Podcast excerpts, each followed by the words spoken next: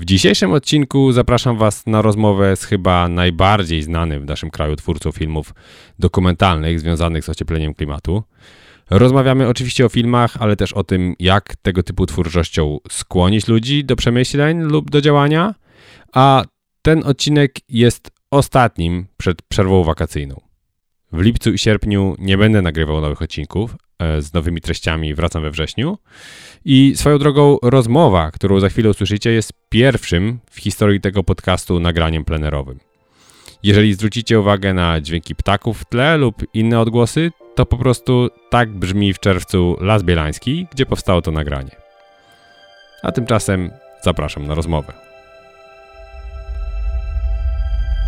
Zrównoważony rozwój to podcast o tym, jakie zmiany są potrzebne w obszarach gospodarki, energetyki i naszego stylu życia, aby uniknąć ekologicznej katastrofy i stworzyć system, w którym kolejne pokolenia cieszyć się będą dobrobytem, bez pogoni za wzrostem i konsumpcją, z poszanowaniem ograniczonych zasobów dostępnych na naszej planecie.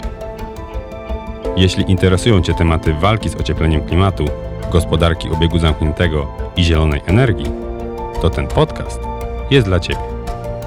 Zapraszam, Paweł Pudło. Witam serdecznie, drodzy słuchacze i drogie słuchaczki. W dzisiejszym odcinku podcastu moim gościem jest Jonathan Ramsey, Amerykanin od ponad dekady mieszkający w Polsce, twórca filmów dokumentalnych o tematyce związanej z kryzysem klimatycznym, takich jak e, Można panikować, w którym profesor Szymon Malinowski opowiada, jak poważnym zagrożeniem jest ocieplenie klimatu, i o tym, jak został naukowcem zajmującym się badaniem klimatu. Filmów takich jak Nadzieja umiera ostatnia, o polskich młodzieżowych aktywistach klimatycznych, czy Smog Wars o zanieczyszczeniu powietrza w Warszawie.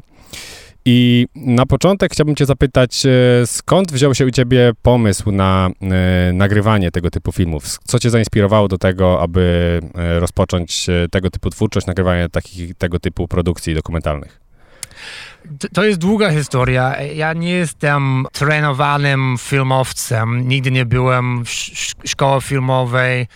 Kiedy miałem 27 lat chyba, kupiłem pierwszy aparat i chciałem uczyć się jak zrobić zdjęcie, a potem miałem pomysł, żeby kręcić krótki film i za, zainteresowałem się z montowania i różne programy w komputerze, ale generalnie uczyłem się wszystko przez YouTube. I a wtedy ja, ja pracowałem w, jako headhunter a, w biuro nieruchomości, gdzie no, poszukaliśmy pracownicy, żeby pracować w różnych projektach nieruchomości. I Wtedy było takie duże fala smogu w Polsce i pamiętam, że miałam kolega, która była aktywna jako działacz pro środowiskiem. On posprząta w lesie i taki typu działania. I on miał syn, który miał taki ekstremalny forma astma i wtedy też moja córka urodziła się i a ona miała problem ze zdrowia. I pamiętam, że byliśmy przez miesiąc w Centrum Zdrowia Dziecka na, w dzielnicy Wawrze. I tam jest najbardziej zanieczyszczenie powietrza w okolicach Warszawy. I myślałem, że jest po prostu wstyd, że najgorsza jakość powietrza muszą być oddychane przez chore dzieci. I mm. po co żyjemy w ten sposób? I dlaczego nie jest tak, że przez ostatnie 30 coś tam lat mieliśmy szansę, żeby poprawić taką sytuację i no, nigdy nie było traktowane jako priorytet przez władz. I to jest dlatego cały czas jesteśmy w takim węglowy dziury. I boję się, jak będzie w tym roku zimą, bo ludzie pe pewnie będą palać a, dużo śmieci i tak dalej, bo ten, ten węgla jest tak drogo teraz. Więc koniec końców ja robiłem ten film Smog Wars z moim kolegą z pracy i to, to było nasze osobiste śledztwo na ten temat zanieczyszczenia powietrza w Warszawie. Myśleliśmy, że no jeżeli moglibyśmy odkrywać źródło, taki problem, no to może Warszawa może być jakiś przykład dla innych miast, jak działać a, przeciw smog. Więc robiliśmy ten film i był w, w telewizji, na TVN24, dużo osób obejrzało i potem no, poszukałem nowy temat i wtedy zobaczyłem profesor Szymon Malinowski w telewizji. On dawał jakiś wywiad o zmianie klimatu i myślałem, że on miał ciekawy sposób mówienia o ten problem. I myślałem, że byłby ciekawy, żeby robić jakiś portret, jak on żyje, co on myśli o polskim społeczeństwo w kontekście wszystko, co on wie o ten problem, bo chyba on jest prawdopodobnie najbardziej wykształcony klimatolog w Polsce i on ma taki bardzo ciekawy wiek, bo pierwszy połowę jego życia był w czasach komunizmu, a druga połowa w kapitalizmu. I chodziło o to, żeby robić sentymentalny film o jego życiu jako naukowcem w Polsce i jest film trochę o przeszłość, trochę o teraźniejszość, a trochę o przyszłość. Mhm. I to był taki ciekawy sposób mówienia o klimacie bo teraz w mediach generalnie jest tak, że widzimy jakiś pożar gdzieś daleko w jakiś obcy kraj i słyszymy, że no może w przyszłości będzie wojna o wodę, ale tu i teraz w Polsce chyba ten problem nie jest aż, aż tak widoczny dla wielu osób. No myślę, że faktycznie nie jesteśmy aż tak dotknięci jak wiele innych e, miejsc na świecie zmianami klimatu, natomiast też świadomość rośnie myślę, że ten film też się do tego przyczynił. Ostatnio jak sprawdzałem, to na YouTubie miał on już prawie milion wyświetleń. Więc e, nie wiem, jak na to patrzysz wstecz, to nie wiem, czujesz satysfakcję, że udało się opowiedzieć taką e, ciekawą historię i zrobić coś, co mm, dzięki tobie i dzięki profesorowi Malinowskiemu skłoniło wielu ludzi do przemyśleń? No oczywiście, że tak. chyba ten film jest najlepszy rzecz, który zrobiłem w moim życiu, bo było o prawdziwy problem, pokazaliśmy prawdziwe sytuacja, prawdziwe emocje. I on oczywiście jest bardzo wykształcony, ale on też jest normalny człowiek, tak jak wielu z nas. I no, jestem bardzo dumny z ten film i byłem bardzo smutny, kiedy to wszystko było skończone, bo taka historia z e, osoba, która ma takie doświadczenie, no to nie jest coś, który można poznać na co dzień. On mm. jest bardzo specyficzny człowiek w bardzo specyficznym czasie historia. Nie, nie będzie kolejny Malinowski Mm. Jest tylko jedno. To jest dlatego on ma taki wpływ, jak on ma w Polsce. Nie ma innego człowieka na tego poziomu. No tak. E, I trzeba przyznać, że jakby tam dużo e, bardzo trafnych e, spostrzeżeń pada ze strony profesora Malinowskiego w tym filmie. I nie wiem, czy jak oglądałeś film Nie patrz w górę tak. Netflixa, tak. to tam jest ten pastisz programów śniadaniowych, gdzie jak pokazuje, jak bardzo programy śniadaniowe chcą dostarczać rozrywkę za wszelką cenę, niezależnie od tego, jakie są okoliczności i o czym jest rozmowa. I w tym filmie można panikować, to trochę widać. Nie miałeś wrażenia, że to faktycznie mm, nie patrz Patrz górę pokazuje dokładnie to, co wy pokazaliście w filmie dokumentalnym, tylko że trochę od innej strony. Wiadomo, jest to film fabularny, więc jakby inaczej to y, wygląda, ale wątki chyba były dosyć y, podobne. Nie wiem, czy autorzy widzieli, można panikować i czy się w jakiś sposób inspirowali, ale jeżeli tak, to bym na pewno się nie zdziwił. Y.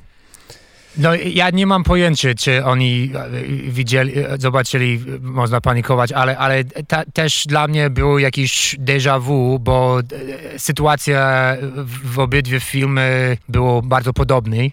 No cieszę się, że, że ten film Nie patrz w góry istnieje, bo dzięki temu nasz film miał trochę rewitalizacja. Dużo osób pamiętali o nasz film i po powiedzieli, że sytuacja jest podobna.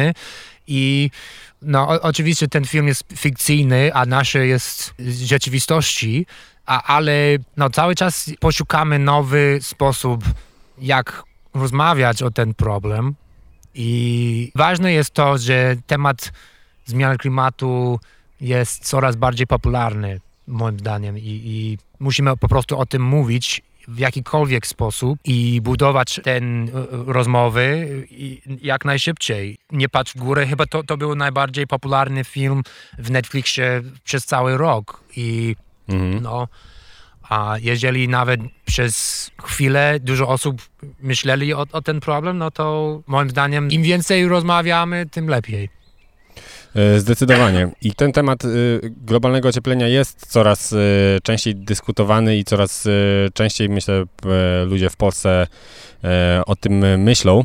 I chciałbym Ciebie zapytać e, o to, ponieważ stworzyłeś już kilka takich dłuższych filmów, trochę krótszego materiału, który można obejrzeć na Twoim kanale na YouTubie.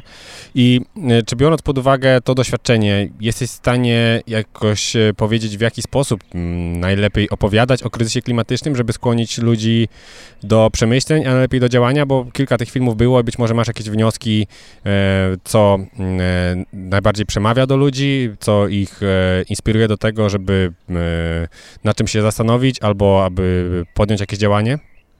Ja powiedziałbym, że ta sytuacja nie jest statyczna i cały czas się rozwija. Myślę, że dwa lata temu to był taki dobry moment, żeby pokazać ten film Można Panikować i było jakiś przełomowy moment i mieliśmy dużo uwagi z mediach i dużo osób udostępniali ten film i no to jest dobry. Ale nie jestem przekonany, że no jeżeli ten film miała premiera dzisiaj, czy byłby popularny? Bo chyba już teraz ludzie będą powiedzieć, o, ale ja już słyszałem o tym. Ja mm. już obejrzałem coś podobnego. I nie będzie jakiś film, który będzie miał wpływ na wszyscy. Nie, nie jest taka jedną film, który można zmienić wszystko. Różne filmy będą miały wpływ na różne osoby. Ja staram się podążać mój instynkt po prostu, żeby robić to, co ja myślę, że jest, jest ciekawe i po ten film można panikować. Robiłem film o jak to jest być młody aktywistyk klimatyczny. klimatyczny. Mhm. I no, pracowałem bardzo ciężko na ten film i, i, uważam, że jest bardzo dobry, ciekawy film, ale no, to, ten film nie był popularny. I nie wiem dokładnie dlaczego. Może film był zbyt długo, może niektóre osoby myśleli, że jest nudny, albo może nie był odpowiedni czas. Pamiętam, że mieliśmy premierę podczas ten kryzys na granicy z Białorusią, kiedy ludzie starali się przekroczyć do Polski i budowali ten mur.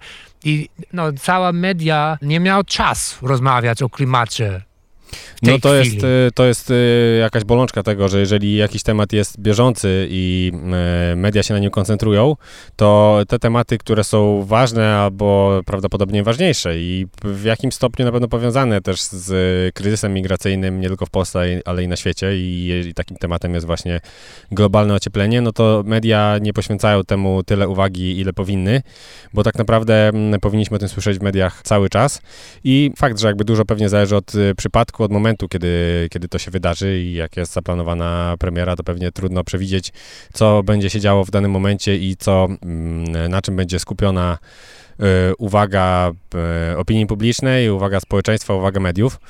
Natomiast y, myślę, że dobrze, że jakby ten film Nadzieja umiera ostatnia moim zdaniem był bardzo poruszający i jeżeli ktoś z słuchaczy go nie oglądał, to moim zdaniem powinien zdecydowanie nadrobić, bo jest to moim zdaniem kawał dobrego dokumentu, więc jeżeli nie widzieliście, to zdecydowanie warto odpalić sobie któregoś wieczoru YouTube'a i ten materiał obejrzeć. Natomiast mm, moim zdaniem e, dobrze, że powstaje e, tego materiału, jakby od ciebie trochę tych filmów e, było kilka długometrażowych, trochę jest krótszego materiału u ciebie na kanale na YouTubie i im więcej ludzi trafi na tego typu treści, no to tym lepiej, tym e, częściej skłoni ich to do przemyśleń. Zastanawiam się, czy masz jakieś przemyślenia, jak e, wyjść poza e, określoną bańkę z przekazem, bo na pewno jest tak, że częściej tego typu rzeczy oglądają ludzie zaangażowani bardziej, mm, nie wiem, emocjonalnie w sprawy globalnego ocieplenia, często aktywiści i tak dalej. Natomiast często jest tak, że żeby trafić do szerszego grona, powinniśmy w jakiś sposób wyjść poza swoją bańkę i zastanawiam się, czy biorąc pod uwagę ten jednak zróżnicowany materiał, który jest na przykład u Ciebie na kanale na YouTubie, czy udało Ci się zaobserwować coś takiego, co na przykład trafia do szerszego grona ludzi, albo co trafia do innego rodzaju odbiorców i, i e, bardziej skłania ich do jakiegoś rodzaju przemyśleń? To jest bardzo dobre pytanie. Ja myślę o tym cały czas, jak, jak docierać a, poza bańka. Wyobraźcie sobie, że jesteś normalny człowiek, siedząc przy komputerze, jesteś na YouTube, czy będziesz poszukać informacji o zmianie klimatu. Nie jest aż tak bardzo popularny, więc trzeba znaleźć jakiś temat, który ma połączenie do zmiany klimatu, ale nie, żeby było zmiany klimatu ten główny temat. Mhm. Więc teraz robiłem kilka krótkometraży, filmy o rolnicy w różnych miejscach w Polsce bo dużo osób na YouTube teraz poszukują informacji albo jakieś historie o prawdziwe życie na wsi, jak to jest być rolnikiem, jak jest trudne i oni poszukują jakichś rozwiązań, jak prowadzić gospodarkę w sposób, gdzie mo mogą przeżyć, bo mają problem z suszy, mają problem z drożyzną i problemy rosną. I teraz znalazłem kilka rolnicy w Polsce, którzy starają się robić rolnictwo inaczej, żeby chronić bioróżnorodność.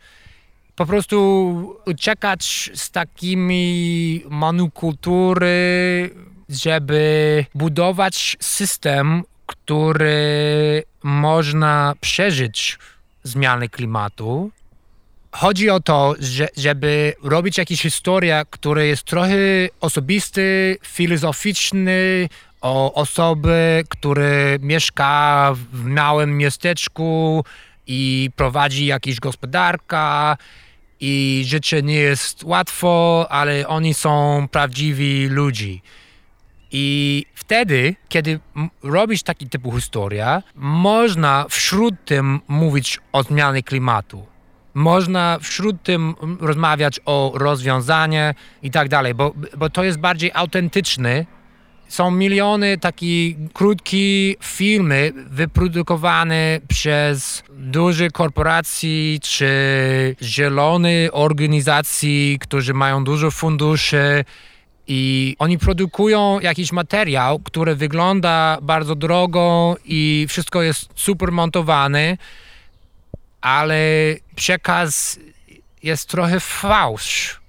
Przekaz, ludzie widzą, patrzą na coś takiego i myślą, że to nie jest moja rzeczywistości, to nie jest, to nie jest taka prawdziwe życie i to jest jakaś propaganda. Ale jeżeli robisz coś bardziej osobiste, bardziej autentyczne, no to, to wtedy masz takie prawo rozmawiać o głębszego tematy, więc poruszam kwestie klimatu i też prawo zwierzęta i ekologia, i bioróżnorodność, ale jest w kontekście historia jakiś rolnik. To jest coś, coś nowego dla mnie, bo ja całe życie mieszkam albo w Chicago, albo w Warszawie i nie mam takie do, doświadczenie, żeby rozmawiać o takich rzeczach, więc dla mnie jest, jest taka wielka przygoda, żeby, żeby jechać i słuchać, jak oni i, i zobaczyć, jak oni żyją i jak oni widzą ten problem. I, i, i chodzi o otwieranie takiej autentycznej dyskusja, a nie mówienie, że wszystko jest źle i będzie koniec świata, jeżeli nie będziemy kupić energii odnawialnej i musimy zmienić, odrzucać cały system kapitalizmu i tak dalej, bo no niestety ten przekaz jest trochę stary i był taki moment, dwa, trzy lata temu, kiedy był ten Extinction Rebellion i oni blokowali ruch drogowy. No, był bardzo popularny w Londynie i dużych miast i był taki moment, kiedy czułem się, że, że no, może coś się zmieni, może, może ten ruch będzie budować, będzie, będzie coraz większy. Ale chyba oni już mieli ten zaszczyt i teraz od tego momentu, od czasów, czasach COVID, no, ten ruch klimatyczny niestety stracili momentum, stracili równowagę, żeby kontynu kontynuować, żeby rosnąć. I chyba boję się, że, że ludzie są coraz bardziej cyniczni i coraz bardziej widzą, że jest problem, ale nie, nie mają odpowiedź, co zrobić i coraz więcej osób czują się zamknięci po prostu, że no po, powiedzmy, że ja jestem no, mężczyzną, pracuję w korporacji, ja wiem, że moja korporacja zniszczy środowisko, ale ja potrzebuję pieniędzy, żeby zapłacić rachunki dla, dla, dla ciebie i, i, dla ciebie i mojej rodziny, moje dzieci musi jeść i robię to, co mogę w tym systemie, jak jest. I to nie jest moje, jako zwykły ob, obywatele, nie, nie jest moja odpowiedzialność, żeby zmienić system. No, ktoś, wie, ktoś wyższy powinien tego robić, ale oni tego nie robią, więc co mam zrobić? No tak, działanie jednostek, jakby jeżeli działamy w pojedynkę, to faktycznie e, nie jesteśmy w stanie wywrzeć takiego efektu, jaki byśmy pewnie chcieli. Natomiast e, warto, abyśmy ten temat globalnego ocieplenia traktowali jako priorytet i w, nie wiem, w decyzjach konsumenckich i przede wszystkim przy urnie wyborczej, jak decydujemy, których polityków e, chcemy wybrać na następną kadencję, to żeby ten temat traktować jako priorytet i żeby pamiętać, co zrobili albo czego nie zrobili zrobili ci politycy, y, których mamy na karcie do głosowania i wybrać tych, którzy dają jakąś nadzieję na to, że, że coś się w tym aspekcie zmieni. A jeszcze wracając do tego, co mówiłeś o y, historiach y, poszczególnych osób, historiach rolników, myślę, że to jest bardzo ciekawe y, spojrzenie, które może osoby, które niekoniecznie jakby ciekawią się w jakimś wielkim stopniu energetyką i jakby chcą zgłębiać to, w jaki sposób rozwiązać problem dostarczenia wystarczającej ilości energii, która może zastąpić paliwa kopalne. Jeżeli trafią na taki film o na przykład właśnie rolnikach permakulturowych, jaki ty opublikowałeś kilka tego typu na, u siebie na kanale, później trafią na mm, e, kolejne treści, może zostaną na tym kanale trochę dłużej i dzięki temu dowiedzą się czegoś na kolejne e, zagadnienia związane z tym kryzysem klimatycznym, kryzysem bioróżnorodności, no to moim zdaniem tylko in plus i e, warto, aby te treści były różnorodne, więc Myślę, że jest to bardzo wartościowe, to co można hmm. u ciebie na kanale Ramsey United zobaczyć. E, natomiast jeszcze e, chciałbym Cię zapytać o jeden film, który był opublikowany e, kilka dni temu, właśnie u Ciebie na kanale. Mianowicie mam na myśl film Atom albo Śmierć z Adamem Błażowskim. Jest to krótki film, w którym właśnie Adam opowiada o swoim aktywizmie proatomowym, e, o tym, e, dlaczego uważa to za istotne. I pisałeś, wrzucając ten film do mediów społecznościowych, że niektórzy mogą uznać go za kontrowersyjny i z kolei w jednym z wcześniejszych filmów, gdzie relacjonowałeś proatomowy protest Photo for Climate i kilku innych organizacji ekologicznych w Berlinie przeciwko zamykaniu elektrowni jądrowych, to mówiłeś, że wcześniej nie poruszałeś tematu, bo on dzieli ludzi, a chciałbyś, żeby treści, które dostarcza, żeby ich jednoczyły. I zastanawiam się, czy jakby po opublikowaniu tych kilku krótkich filmów e, związanych z tym tematem, czy jakie są reakcje i czy mm, e, widzisz nadzieję na to, że jakby przestaniemy się spierać o to, czy ten, e, potrzebujemy atomu, czy nie, tylko jakby skupimy się na tym, co definitywnie jest e, złe, bo atom nie jest złym źródłem energii, złe są paliwa kopalne. I żebyśmy zwalczali paliwa kopalne, a nie spierali się o to, czy elektrownia jądrowa ma w Polsce powstać, czy nie, tylko w jaki sposób jak najszybciej odejść od węgla, od ropy i, i nie spalać e, właśnie tych paliw kopalnych, czy gazu, czy, czy, czy tego, co powoduje właśnie emisję? Jak to powiedzieć? A, robiłem ten film o Adam Błażowski, bo znam go przez ostatni chyba rok, coś takiego. I on jest bardzo a, ciekawy człowiek, który ma ciekawy, osobisty historia. On urodziła się bardzo katolickim miasto jako protestant i ja, ja też a, wychowałem się w Chicago jako protestant i mieli coś wspólnego w takim osobistym a, sposób. I zrobiłem ten film o jego działania, bo chciałem po prostu pokazać jego punktu widzenia. To nie znaczy, że ja zgadzam się wszystko to, co on mówił.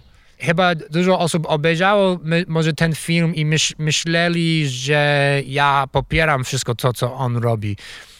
I moje podejście do atomu jest, no, jest skomplikowane w, w sensie, że ja nie zgadzam się to, co się dzieje w Niemczech. Myślę, że te elektrownie, no oni mogą e, działać dalej i to nie ma sensu, ale no, z drugiej strony jestem bardzo sceptyczny, czy uda nam się w Polsce budować taki typ, typu inwestycja, a, bo jest skomplikowane. Nie, nie mam dużo zaufania w naszych a, rząd, że oni nawet mają motywację i siłę, żeby, żeby zrobić taki typu projekt, bo jest dużo, skomplikowany, jest drogo.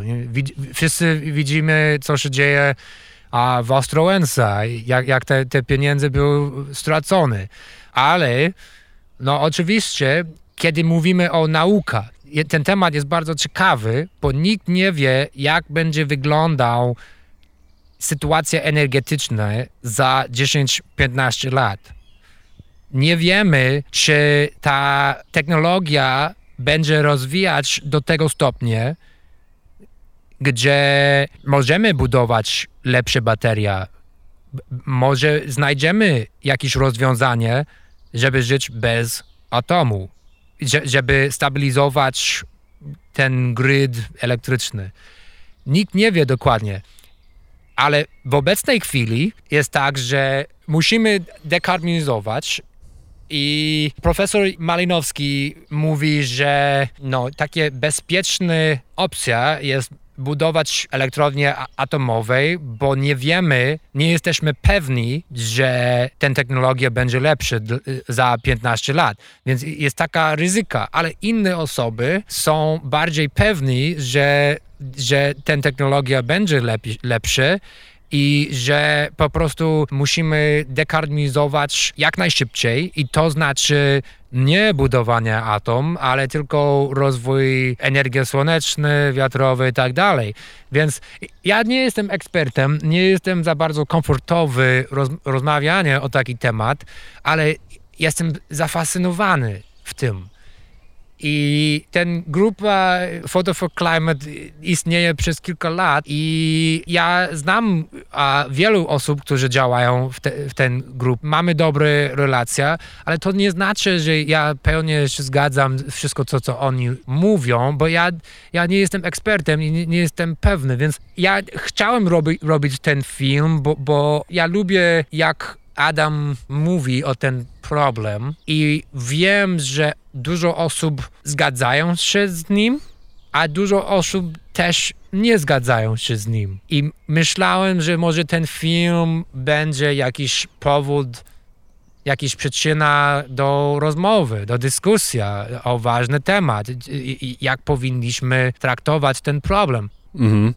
Nawiązując jeszcze do tego, co powiedziałaś o tym, myślę, że to jest bardzo ważny głos profesora Szymona Malinowskiego w tym e, temacie, że e, nie jesteśmy pewni, że technologie będziemy mieli, które po, po, pozwolą nam alternatywny sposób zapewnić wystarczającą ilość e, energii albo zmagazynować tą energię, którą wyprodukujemy ze źródeł odnawialnych. Na chwilę obecną e, można mieć co do tego wątpliwości, więc myślę, że budowanie elektrowni e, jądrowych jest po prostu sensownym tutaj zabezpieczeniem na wypadek, gdyby pozostałe technologie, których jeszcze nie ma, nie rozwinęły się na tyle, aby pozwolić nam poradzić sobie z, z dostarczeniem wystarczających ilości energii bez tej energetyki jądrowej. Więc myślę, że powinniśmy tutaj nie stawiać wszystkiego na jednego konia, że tak się wyrażę, tylko powinni, to powinno być takie nasze e, zabezpieczenie. I szczerze mówiąc, e, trochę martwi mnie, że e, są aktywiści, którzy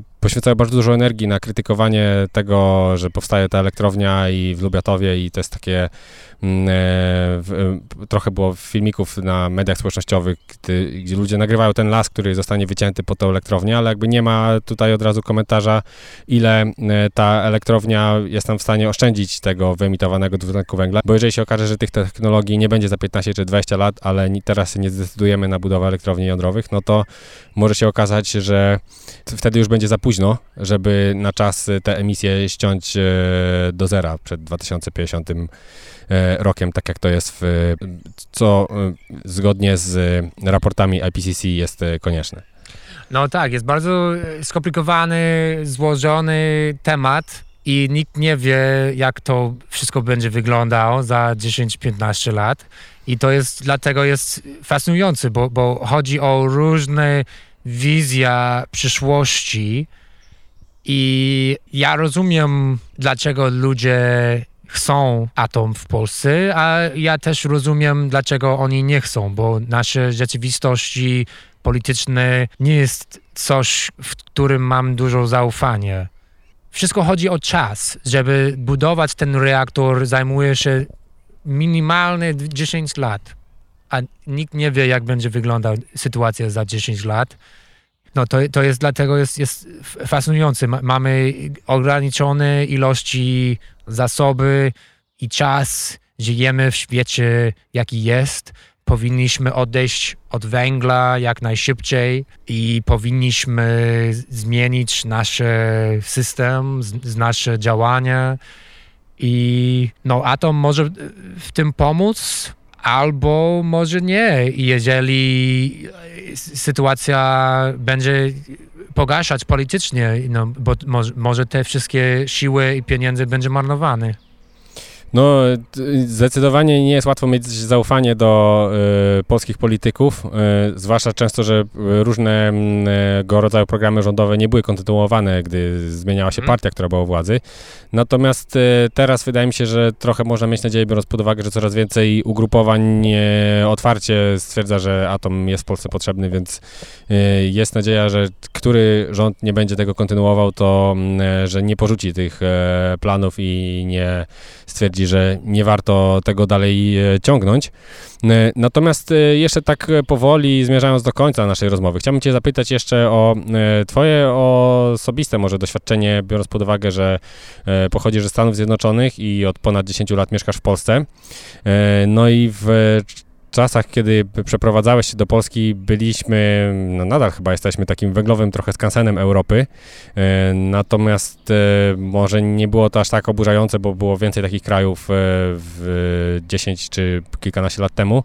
Natomiast teraz trochę zostajemy w, w tyle, jeżeli chodzi o na przykład inne kraje Unii Europejskiej. Natomiast zastanawia mnie, jak patrzysz na to różnice między krajami takimi jak Polska, Stany Zjednoczone, bo w, w Stanach Zjednoczonych też pod tym względem nie było ostatnio idealnie. Mieliśmy prezydenturę Trumpa, który twierdził, że globalne ocieplenie to jest oszustwo i nie ma co się tym zajmować. Mm, e, więc e, wypowiedział porozumienie paryskie w imieniu Stanów Zjednoczonych, więc jestem ciekaw, jak patrzysz na to z tej perspektywy osoby, która jest Amerykaninem, ale mieszka od dłuższego czasu w Polsce. Jak postrzegasz nasz kraj, ale też e, Stany Zjednoczone i jak się różnią w tym podejściu do, do globalnego ocieplenia? Powiedziałbym, że no, mieszkam w Polsce 12 lat prawie i pamiętam, kiedy przeprowadziłem się do Polski, myślałem, że jest trochę bardziej skromny, rozsądny kraj. Ludzie nie marnowali aż tak dużo rzeczy jak, jak w Ameryce, bo w Ameryce wszystko jest dużo. Duży dom, duże samochody, dużo autostrady i wszystko jest bardzo dużo. I, i ludzie w Ameryce emitują ogromne ilości paliw kopalnych, nawet bez myślenia. Zupełnie, bo, bo wszystko jest budowane w, w systemie. Idziesz do sklepu, coś tam jest, i nigdy nie ma takiej edukacji o ekologii w Ameryce. Nie myślałem o, o takich rzeczy, kiedy mieszkałem tam. Ale no teraz po 12 lat w Polsce widzę, że co roku Polacy są coraz bardziej jak Amerykanin po prostu. Jest coraz bardziej amerykański. Każdy chce budować nowy dom pod lasie, każdy chce mieć duży SUV, no, każdy chce latać na wakacje na drugi koniec świata i no, ludzie wszędzie generalnie są bardzo podobni i im więcej mamy ten wzrost gospodarka, no to mamy więcej możliwości, a, ale te możliwości często zniszczy przyrodę, zniszczy a, środowisko i klimat. Ja, ja nadal, nadal mam dużo więcej nadziei dla Polski jako kraj niż dla Ameryka, bo Polska jest mniejsza i mamy mniej osób, mniejszy teren i ja wiem, że Polacy a, kłócą się o wiele rzeczy i mamy dużo problemy a, w rządzie i tak dalej, ale to, że skali problem i ska skali ten kraj po prostu jest mniejszy, mhm. więc jest łatwiej się zmienić niż kraj, który jest 10 razy większy. I w Ameryce nasza polityka jest zupełnie sprzedany do wielkich korporacji, którzy kontrolują, kontrolują wszystko. I no teraz widzimy, jak oni nawet nie mogą chronić dzieci przed broń w szkołach. Jest niebezpieczny. No, sytuacja w Ameryce jest coraz gorzej, moim zdaniem. I no niestety ja, ja, ja nie chcę wracać tam i oczywiście są do, dobry ludzie tam, tak jak, jak, jak wszędzie na świecie można znaleźć dobry, dobry ludzi, ludzi, ale w Polsce ja nadal mam jakieś nadzieję, że, że możemy zmienić w dobrym kierunku, ale dużo Polacy po, powiedziałby, że jestem naiwny. Nie wiem. Moim zdaniem to jest bardzo ciekawe, co mówisz i to jest e, bardzo wartościowe przemyślenie. Myślę, że może to kogoś e, skłoni do zastanowienia się, bo faktycznie w Polsce e, ten podążanie za konsumpcją i do jakby tego stylu życia, który jest, nie wiem, American Dream, czyli jakby duży dom, duży samochód, jazda suwem i zagraniczne wakacje co roku, to jest coś, czego często w Polsce nie było i czy co jest często taką aspiracją osób, które y, żyją w Polsce, aby w ten sposób żyć. I to jest myślę bardzo ciekawe przemyślenie swojej strony, że może nie do końca warto, biorąc pod uwagę koszty środowiskowe, z czego wiele osób nie zdawało sobie sprawy, budując sobie taki styl życia, ale myślę, że mam taką nadzieję, że tych y, refleksji będzie będzie więcej w najbliższym czasie i będzie coraz więcej osób, które będą stwierdzać, że może niekoniecznie warto kupować tego suwa i lepiej, albo jeżeli ktoś nie może przemieszczać się tylko zbiorkomem, to kupić e, mały samochód, który nie wiąże się z takimi emisjami, używać go tylko kiedy to jest niezbędne.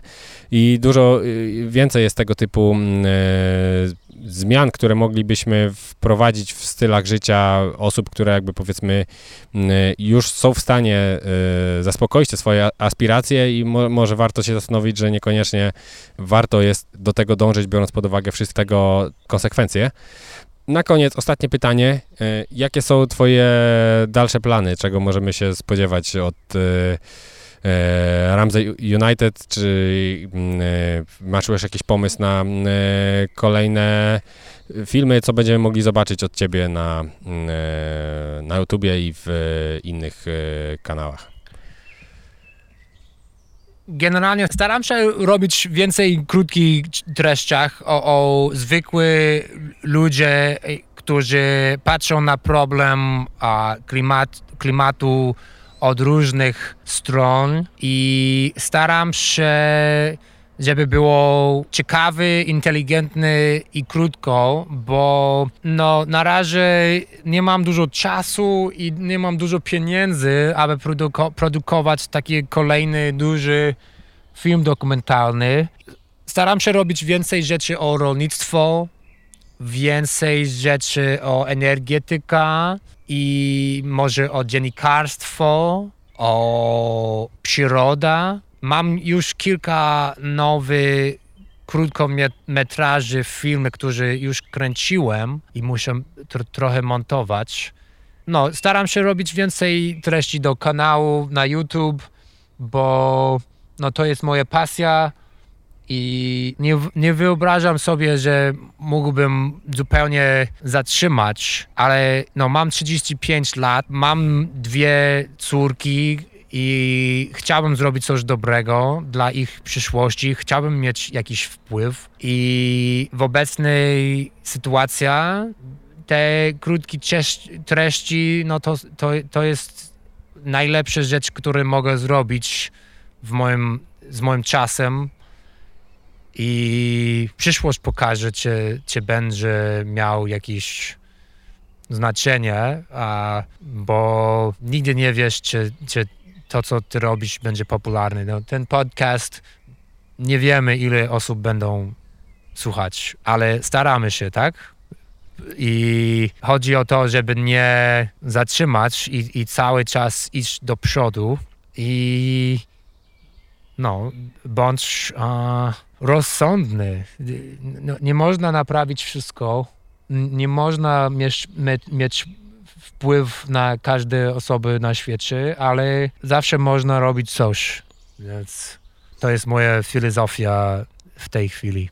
Zdecydowanie zgadzam się, że warto dokładać e, swoją cegiełkę. E, jeżeli ciekawi Was e, to, o czym mówi Jonathan, moim zdaniem te tematy dziennikarstwa, energetyki czy rolnictwa to e, bardzo wszystko interesujące wątki, więc e, jeżeli interesują Was tego typu treści, zachęcam do subskrybowania na YouTubie kanału Ramsey United i e, przypomnę, że moim gościem był Jonathan Ramsey, twórca filmów dokumentalnych związanych z kryzysem klimatycznym. Dziękuję Ci bardzo za rozmowę.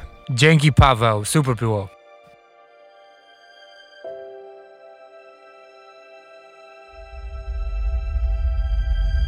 Dzisiejszym odcinku to już wszystko. Tak jak wspominałem na samym początku, kolejny raz usłyszymy się we wrześniu, ale nie oznacza to oczywiście, że w wakacje będę próżnował.